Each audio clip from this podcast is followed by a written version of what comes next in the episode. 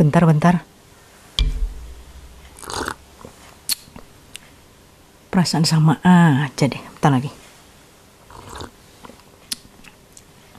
Sama. Terus bedanya apa latte sama cappuccino? Tanyain Fakri ah.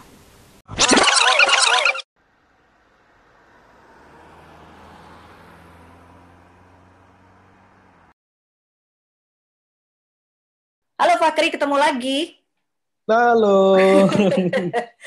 ya ini teman-teman kita ngobrol lagi dengan barista kita yang kemarin uh, saya wawancarai terkait kenapa sih dia kok bisa sampai nyemplung ke dunia perkopian ya. Jadi gara-gara cangkruk kalau kata orang Surabaya atau dari istilahnya apa ya nongki-nongki gitu kalau bahasa anak sekarang. Terus akhirnya dia uh, kenal dengan pengusaha kopi, terus mau belajar. Jadi pelajaran yang kita petik dari perbincangan dengan Fakri sebelumnya itu banyak sekali sebenarnya bahwa hidup itu harus terus berlanjut ketika salah satu dari tujuan kita itu mungkin kita merasanya waduh udah berakhir nih pasti hidup gue di sini gitu ya.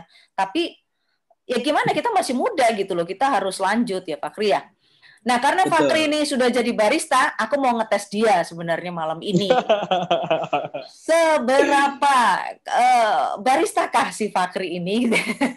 Walaupun kalau di podcast kita nggak bisa nyeduh kopi ya, tapi at least ya. karena saya adalah penggemar kopi, uh, hmm. saya itu menggemari kopi sejak ini Fakri, sejak um, tepatnya sejak apa ya? Sejak kuliah deh, hitung aja gitu. Karena kuliah kuliahku sore ya itu kalau pagi bikin paper itu kalau nggak ngopi, kalau ngantuk sih tetap ngantuk, tapi uh, moodnya itu kalau naik kopi, kalau minum kopi kenapa bisa naik ya? Ada pengaruhnya pak kopi dengan mood? Setahu kamu ada pengaruh? Ada, ada, ada.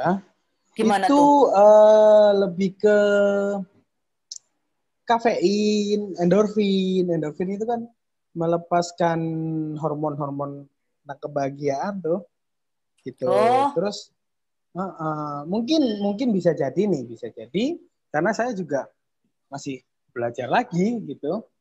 Uh, mungkin pas lagi ibu lagi ngantuk itu kan mood udah nggak enak. Tapi kalau udah bangun lagi selayaknya kita bangun tidur, mood sudah diperbaiki.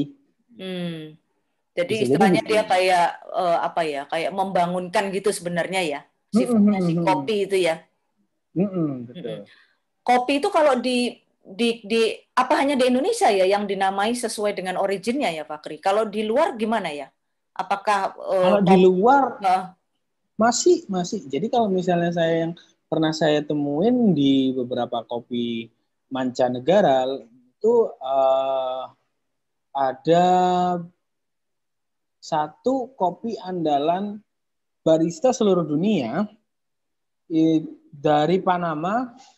Oh, Panama. Panama Geisha. Panama Geisha. Betul. Apa hubungannya sama Oh, bukan Geisha-nya Jepang ya, bukan ya?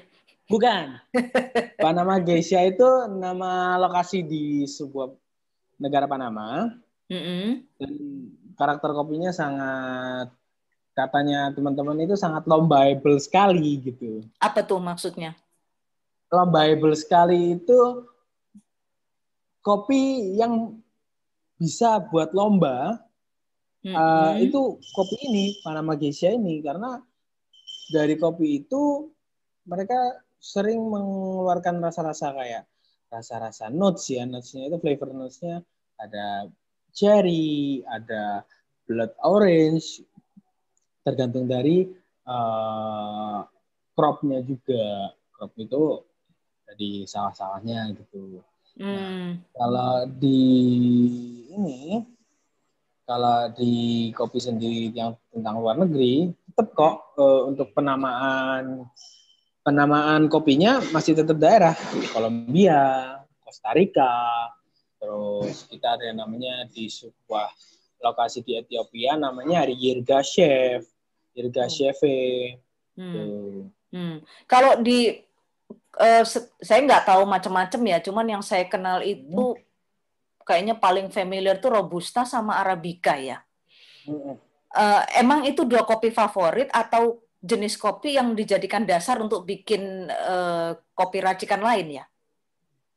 Nah, kalau kita ngomongin robusta sama arabica, hmm. itu varietas Varietas. Tumbuhan ada namanya varietas. Oh, gimana tuh? Jadi varietas kopi sebenarnya ada banyak.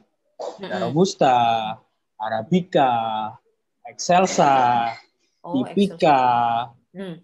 Berry, Longberry, dan lain-lain.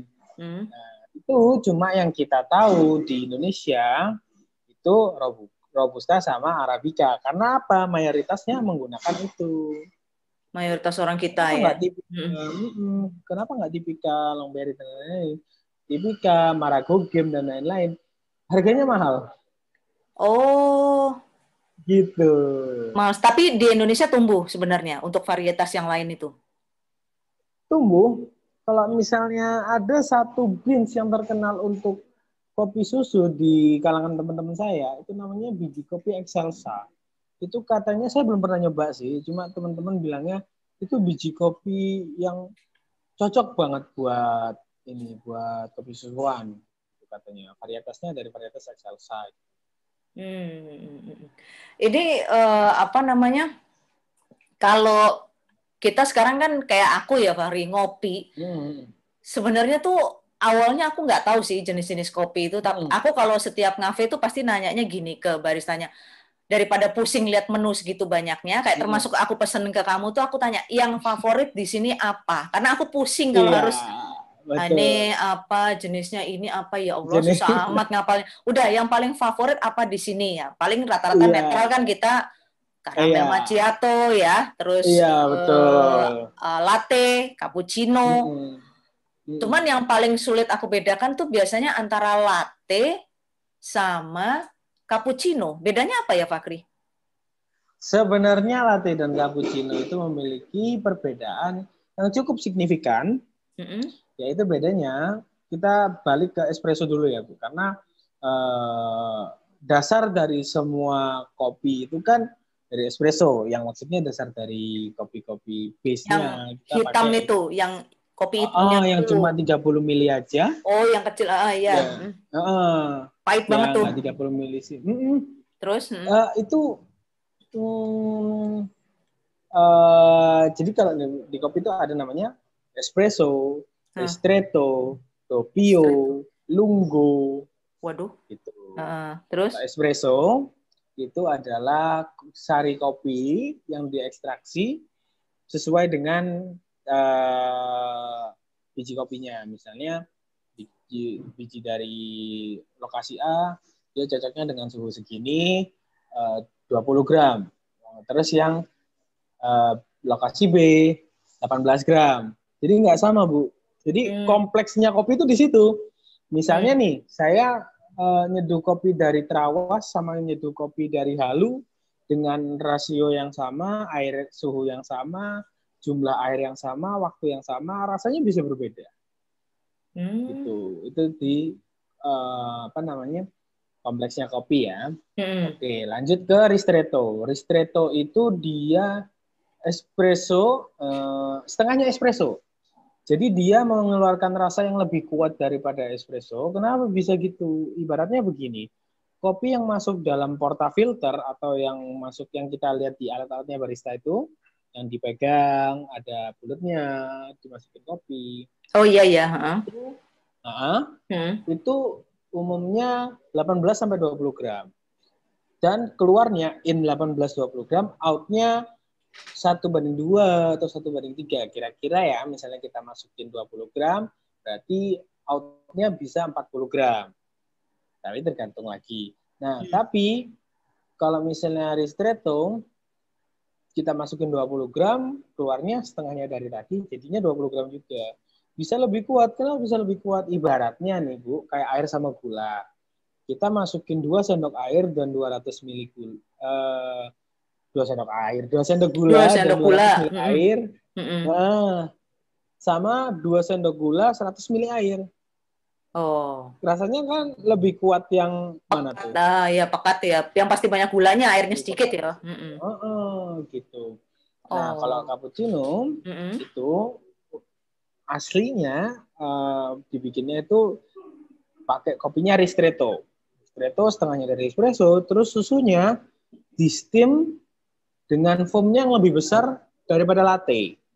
Jadi kalau mau ibu tes ini cappuccino apa latte nih kalau nggak gitu aku pesen cappuccino kok dikasih latte aku pesen latte kok dikasih cappuccino itu dari busanya busanya iya. kopi kayak krimnya itu kalau emang creamy banget atau bas foamnya banyak gitu. Bahasanya gitu ya, frothy banget kayak misalnya uh, uh, uh, foamnya itu kira-kira seginian kalau cappuccino itu. Uh-huh. Nah, lebih banyak foamnya. itu lebih tipis lagi. Uh, gitu. Ada penampakan di belakang. sih, cuma ada penampakan di belakang. iya, dari teman-teman. Enggak, tapi secara taste dia uh, uh, sama ya, Fakri. Yang membedakan hanya foam itu. Uh, secara taste, ya betul. Saya, karena kayaknya mirip deh. Hmm. Oh. Karena uh, balik lagi ke Italia nih ya, karena kan kalau misalnya kita ngomongin kopi yang di saya jual adalah kopinya di ini dipakein sedotan. Jadi kita nggak tahu foamnya itu yang tebal apa enggak.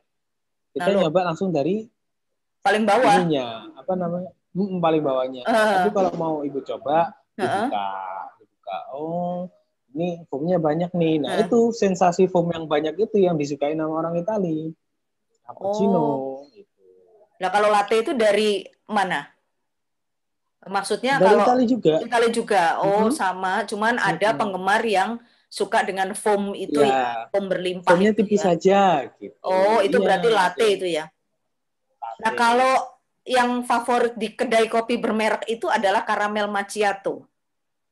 Ya, karamel macchiato tuh up apa perasaanku sama-sama aja sih Kri. Pokoknya aku tuh ya, aku tuh prinsipnya pokoknya ada kopi di depan saya udah itu hmm. cuma ya cari level aman paling latte gitu aja. Cuman kalau apa pun yang yeah. ada di depan saya kopi ya saya minum gitu loh. Nah, kalau karamel macchiato itu apalagi yeah. ya? Apalagi ya itu ya? Yang membedakan yeah. apalagi? Kalau karamel macchiato itu adalah dari brandingnya sih Bu.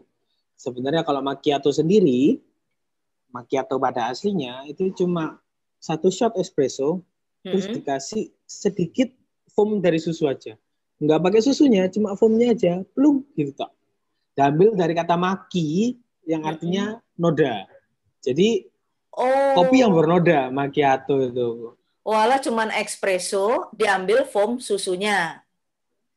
Uh, uh, tapi kan sering berjalannya waktu. Uh-uh. Uh, ini kan karamel macchiato, macchiato itu terkenalnya dari Starbucks ya memang. Uh-uh. Nah, itu itu dia anu sih uh, lebih ke brandingnya aja sih kalau menurut yeah. saya pribadi nih. Yeah, yeah. Jadi dia memang kayak ya susunya banyak, ada foamnya, dikasih kopi. Jadinya dikasih sirup karamel dan itu cuma kayak oh karamel macchiato terus orang-orang kan kalau misalnya saya jual nih es kopi susu karamel. Harganya lima puluh ribu. Kopi susu sama sirup karamel doang kok udah lima puluh ribu sih mas. Kalau saya jual karamel macchiato. Uh, mas beli karamel macchiato dong. Oh iya kak ini. Terus diupload dan lain-lain. Wih saya minum karamel macchiato loh. Emang tahu karamel macchiato apa? Kamu sih nggak pernah ke sini gitu.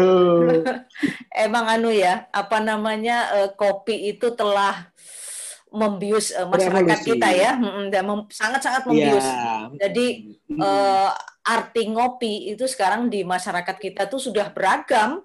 Ada yang ketika kita nyebut mm, kopi, uh, ketika macam-macam kan. Kamu hmm. aku bilang kopi gitu, mungkin kamu pasti wah Betul. nongki nih pasti arahnya gitu kan. Nah, lagi yang kopi yuk. Yeah. Iki tombongan tuh iki jadi macam-macam kalau orang-orang kita ya. tuh ya kan nah Kamu sendiri, kalau hmm. ngomongin itu hmm. ada namanya uh, gelombang tren kopi yang saya ah. pelajari dari satu orang lecturer uh-uh. dia mempresentasikan hal ini uh-uh. uh, mempresentasikan pengaruh tren kopi gelombang ketiga atau third wave coffee trend ke kesejahteraan petani dan mm -hmm. itu dilombakan dan akhirnya mewakili Indonesia di Boston World Coffee Events. Wih. Di Boston atau di Jerman gitu kalau nggak salah. Jadi dia cuma present, dia mempresentasikan hal ini. Jadi kalau saya boleh terang ini, tren boleh, boleh. itu ada tiga. Apa tuh? Tren kopi gelombang pertama, mm -hmm. itu kopi diminum layaknya kopi. Mm -hmm. seperti kalau misalnya Bu Kamel, mm -mm. tahu kopi dari mana awalnya? Aku. Berarti nah. dari dari logo itu yang bertebaran di mana-mana. Ah. Logo itu yang sesimpel ini Bu. tahu kopi dari dari ini uh, tahu kopinya maksudnya tahu kopinya tahu minuman kopi itu pertama kali minum kopi itu dari apa dari siapa maksudnya dari apa iya kopi oh, iya. apa oh kopi apa oh ya kopi susu yang diminum kopi, pertama kali kopi hitam ya betul kopi hitam kan di Indonesia kan kopi ya kopi yang dikenal di Indonesia itu kan ada namanya kopi tubruk Nah, iya ya. itu. Minum kopi tapi jangan ditubruk. Nah.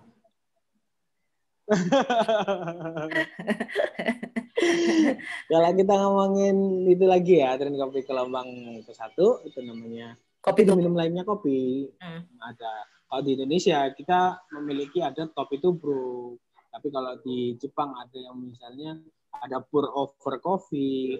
Kalau misalnya di Italia dia adanya espresso ya kan mereka minumnya yang Italia minum espresso yang kita minumnya kopi tubruk yang sana minumnya proper gitu-gitu aja hmm, hmm, hmm. nah lalu ke kopi gelombang kedua adalah kopi dijual secara massal dijual secara massal contohnya seperti perusahaan kopi-kopi terkenal kayak Nescafe terus yeah. hmm. Kapalapi hmm dan lain perusahaan lainnya itu kan udah di pasarkan secara massal ya. Mm-hmm. Lalu gelombang tren kopi gelombang ketiga. Tren kopi gelombang ketiga ini customer pengen tahu ini kopi apa, berasal dari mana, karakternya gimana, apa yang keluar dari biji kopi ini. Gitu. Hmm. Berarti kalau ini bisa mungkin, uh, gimana? ini mungkin lahirnya dari teman-teman barista itu lahirnya dari apa? Dari customer. Customer yang mas ini kopi apa sih? Ini gimana sih? Diterangin sama customernya, kita presentasi. Ini kopi ini mas, ini gini gini gini, disebutnya begini begini. Nah itu akhirnya kita yang dari customer bisa jadi Sun bisa jadi baristanya gitu. Jadi emang ini ya kopi itu ya tadi yang aku bilang banyak sekali uh, kita bisa memaknai kopi. Ketambahan sekarang ini kalau menurutku kopi itu telah ini loh mengedukasi kita ya jadi hmm. customer tuh sekarang kayak kayak aku ya datang gitu ke kafe oke taruhlah aku udah pernah nyoba karamel macchiato yeah. tadi. Terus aku kalau lihat antrian di belakangku agak sepi Pak Kri. Nanya-nanya ke baristanya kan agak leluasa ya. Kadang-kadang ya budaya orang Indonesia tuh kan sungkan aduh antri di belakang banyak begini aku mau tanya macam-macam kopi kan kelihatan kayak orang bego gitu kan. Jadi jadi Mas yang favorit yang mana? Saya pilih yang level aman aja, antreannya panjang gitu. Nah, tapi kalau antri antreannya sepi, biasanya aku lebih leluasa untuk bertanya, walaupun nggak banyak masuk juga sih di kepala aku juga. Tapi menurutku kopi itu sekarang sih sebenarnya sudah mengedukasi kita ya. Banyak sekali edukasi iya. yang yang lahir dari kopi ini. Orang yang tadinya nggak ngopi sama sekali itu bahkan sekarang seneng kopi itu loh karena ya mungkin iya. ambience-nya, ambience-nya suasana kafe, bisnis kafe juga bertambah. Dan satu lagi sekarang, kopi yang dulu identik dengan laki-laki, dulu kalau kita tahu ngopi mesti cowok tuh gandengannya sama maaf ya sama rokok. Biasanya kan gitu kan kalau ngopi hmm. rokok kan pasti yeah. gitu. Nah, sekarang yeah. dengan uh, seiring dengan bertumbuhnya apa ya wawasan uh, masyarakat terus uh, tren masyarakat urban juga cewek-cewek pada ikut ngopi kan sekarang. Ya iya. kan? Ya kan? Mau cewek-cewek ngopi iya. lah. Kalau pebisnis, pebisnisnya itu jeli menangkap peluang ini, oh kita harus bikin kopi yang uh, cewek ini uh, suka. Karena cewek kayak aku Betul. biasanya kopi hitam itu kan nggak nggak suka ya Pak Kri, nggak ya. di perut nggak enak kan ya kalau kopi hitam itu mah pasti muncul kalau cewek gitu ya. ya. Hmm, kalau uh, Fakri sendiri melihat tren kopi, tren kopi dan bisnis kafe ya, kafe kopi ini di Indonesia bagaimana? Bakalnya terus naik atau ada titik jenuh nanti habis ini? Nah, itu pertanyaan yang sama ketika saya tanyakan di uh, workshop yang diterangkan oleh Mas Radif Anabla itu tadi. Hmm. Mas, ini kopi ini bakal ini enggak? Bakal trennya bakal turun enggak? Soalnya ini kan saya lihat uh, bisnis kopi ini latah gitu loh. Ada yang, yeah. ada yang sukses, mm. lainnya ngikutin. Ada yang sukses, mm. lainnya ngikutin. Padahal Betul. belum tentu berhasil juga. Cuma ikut-ikutan doang. Terus bisa mm. kayak tren mie pedes. Iya, ya kan? level-levelan. Level-levelan. Ah, ada mie akhirat, ada mie setan, ada mie ini, mie itu. Mm. Tapi yang bertahan cuma beberapa aja. Mm -mm. Terus jawabannya gimana? Mm. Juga. Jawabannya begini. Uh, kalau misalnya kita ngomongin kopi, man, kalau saya lihat sih begini, kopi itu memiliki ajang, hmm. seperti perlombaan. Hmm, ajang ya. Hmm. Iya. Terus di kopi pun itu punya namanya hulu sampai hilir. Hmm. Dari hulu petani, penanaman, proses pasca panen, penjemuran, pengupasan dan lain-lain sampai ke penggorengan, sampai ke tangan barista. Itu Mas, kita bakal uh, bakal terus berjalan di sini. Kayak misalnya katakanlah Mas, kemarin itu koki-koki mie pedes ada lombanya pasti mereka bisa jadi bertahan sampai sekarang. Tapi mereka kan cuma bikin aja terus hilang. Iya. iya. Tapi kalau di kopi mas, di kopi itu kita memiliki ajang. Ada namanya Barista Championship, ada yang namanya Brewers Championship, ada yang namanya Latte Art Championship. Dan Indonesia di tahun 2019 kemarin, kalau ibu nggak tahu nih, memil meraih juara empat World Barista Championship sedunia. Oh, sedunia? Sedunia. Sedunia. Wih, nomor empat. Iya. hebat, hebat, hebat. Luar biasa. Itu yang saya kaget. Itu idola saya juga sih. Dia orangnya memang hebat hebat banget dalam inovasinya, hmm. uh, dalam pempresentasiannya dan lain-lain. Terus saya kira ah orang ini paling kayak yang beberapa tahun lalu kalau nggak top 10 ya top 20 kalau nggak gitu mewakili aja tapi nggak menang. Tapi setelah saya ikutin di Instagram, hmm. dia bawa pulang itu mesin hmm. kopinya yang besar, mesin kopi harga 300 juta dengan uh. tanda tangan dari barista-barista uh, itu, juri-jurinya. Oh, um. Ah, SCA itu uh, pakai association gitu ya? Ah, uh, apa Coffee Association gitu. Hmm, hmm. Lupa lah ya. Itu ada tanda tangannya dan lain-lain official. Terus aku ngelihat, wah ini yang bawa pulang ini pasti bukan orang sembarangan dong. Hmm. Itu kan dari muncul story, saya pencet dong profilnya. Hmm. Saya lihat scroll scroll scroll ternyata dia peraih juara empat. Orang Indonesia itu. Yang pertama itu Korea, iya pertama Korea, dua Rumania, tiga itu uh, Eropa juga, yang keempat baru Indonesia. Namanya Indonesia. Pak Mikael Jasin. Oh hebat ya. Tuh. Iya, hadiahnya itu loh, hadiahnya itu loh. Hadiahnya, oh, sangat besar bu, sponsorship dan iya. lain-lain. Terus dia juga memiliki bisnis coffee shop dong pastinya. Aku mau ke coffee shopnya Mas Mikael Jasin ah. Iya iya, paling nggak brandingnya dia dapat kan. Jadi Pas. jawabannya si yang kamu tadi tanya itu eh, pasti akan terus naik ya bisnis ini ya. Uh, nggak naik pun stagnan. Nanti hmm. stagnan pasti bakal naik lagi. Stagnan pasti yes. bakal naik lagi. Kalau turun saya lihat belum kurang ya? sih karena nggak bakal kalau saya ngelihatnya nggak bakal turun karena kopi ini kita ngomongin kopi bukan hanya minuman. Kita bikin ngomongin kopi adalah nongkrong. Gaya hidup, mm -mm, gaya hidup. Mm -mm. Gaya hidup. Mm -mm, itu betul. siapa yang bisa lepas dari ngopi yeah. zaman sekarang gitu loh. Mm -mm. Gak ada, walaupun ada maksud, maksudnya nggak ada itu bukan benar-benar nggak ada, tapi mayoritasnya pasti ada aja ngopi. Iya betul. Hmm. Tapi ini ya Pak iya. Kri, sekarang kan pandemi nih. Banyak yang bilang hmm. gini, aduh aku hmm. buka bisnis kopi sekarang ini adalah bukan waktu yang tepat ya. Karena siapa hmm. sih yang mau nongkrong-nongkrong sekarang? Kalaupun kita nongkrong kan pasti dibatasin jamnya kan. Resek lah pokoknya protokolnya tuh serba ribet gitu loh. Kira-kira supaya kita bisa tetap bertahan, bahkan si kedai terbesar itu pun sekarang sudah merubah pola penjualannya ya. Jadi kalau kamu tahu kan Betul. kan sekarang trennya kopinya kan literan ya kan? Mm-hmm. Yang dikemas seliter-seliter mm-hmm. itu terus promo dibawa pulang mm-hmm. gitu ya. E, menurutmu yeah. itu bisa e, masih bisa jadi customer friendly nggak? Maksudnya semudah itukah customer menerima konsep kopi literan itu? Karena kita kan rata-rata ngopi itu ya ngafe gitu loh. Ngopi itu ya nongki gitu loh, bukan bukan kopi yeah. yang ditenteng satu literan gitu loh. Kalau menurutmu yeah. gimana? Kira-kira uh, masih masih mau nggak sih customer terima tren itu sampai mungkin pandemi ini nggak tahu kita kapan berakhirnya ya? Ya, kalau itu pastinya itu pukulan yang berat sih buat para pemilik kedai kopi dan juga para customer. Bahkan saya sebagai customer pada saat pandemi bulan April tahun 2020 itu hmm. benar-benar memukul saya.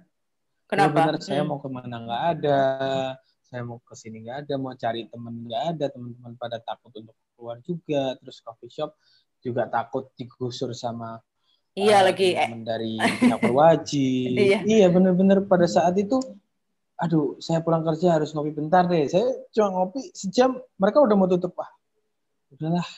Nggak nyaman ya. Nggak nyaman. Tapi yang saya herankan adalah uh, bahkan kopi literan pun ini dinikmati sama teman-teman di rumah. Nah itu yang saya kaget loh. Kok mau sih maksudnya beli dengan harga segitu cuma beli di rumah aja mendingan beli yang sasetan dong lebih murah hmm. enggak rasanya ini beda dan lain-lain hmm. terus ini tuh um, kayak bawa kembali rasa-rasa pas aku nongkrong oh gitu. iya uh, uh, uh. Jadi kayak kayak Jadi kan, rohnya masih masuk gitu ya kayak masuk masih masuk. Jadi kalau misal ya, aku ya? pengen kopi coffee shop ini nih, mm -hmm. tapi nggak boleh ke sana ya udahlah beli aja buat di rumah terus bisa nemenin nugas, bisa nemenin ngantor dan lain-lain. Dan itu benar-benar kayak obat banget bagi teman-teman. Ya. Obat kangen gitu ya. Hmm. Yo, obat menarik kan? Tuh kan menarik kan uh, perbincangan sama Fakri menarik banget. Banyak bener sebenarnya yang mau aku tanya loh. Ini belum semua lo aku korek nih ya. Bagaimana uh, Fakri ini ternyata tadi aku stalking Instagramnya tuh dia suka uh, main saksofon juga ya. Coba nanti suatu saat kita kita tanya-tanya dia soal saksofon gitu loh. Tapi mungkin next aja ya Fakri ya. Uh, ini next juga boleh. Ya boleh. Aku thank you banget ya sudah cerita iya, soal kopi-kopian sama aku gitu ya. Sukses ya. Uh, mudah-mudahan terima kasih kembali. Uh, uh, pandemi ini bisa cepat berakhir lah, kita semua bisa bangkit segera gitu ya. Dan protokolnya dijaga walaupun kita sering nongkrong-nongkrong tapi ya. protokolnya masih bawa masker tanah. Iya, iya, sip sip. Oke, oke. Sukses ya Fakri untuk uh, semuanya. Ya. Mudah-mudahan lancar, murah rezeki semuanya deh. Pokoknya sukses yang terbaik buat kamu ya. Amin. Oke, makasih Pak Kri. Assalamualaikum. Sama-sama. Iya, Waalaikumsalam.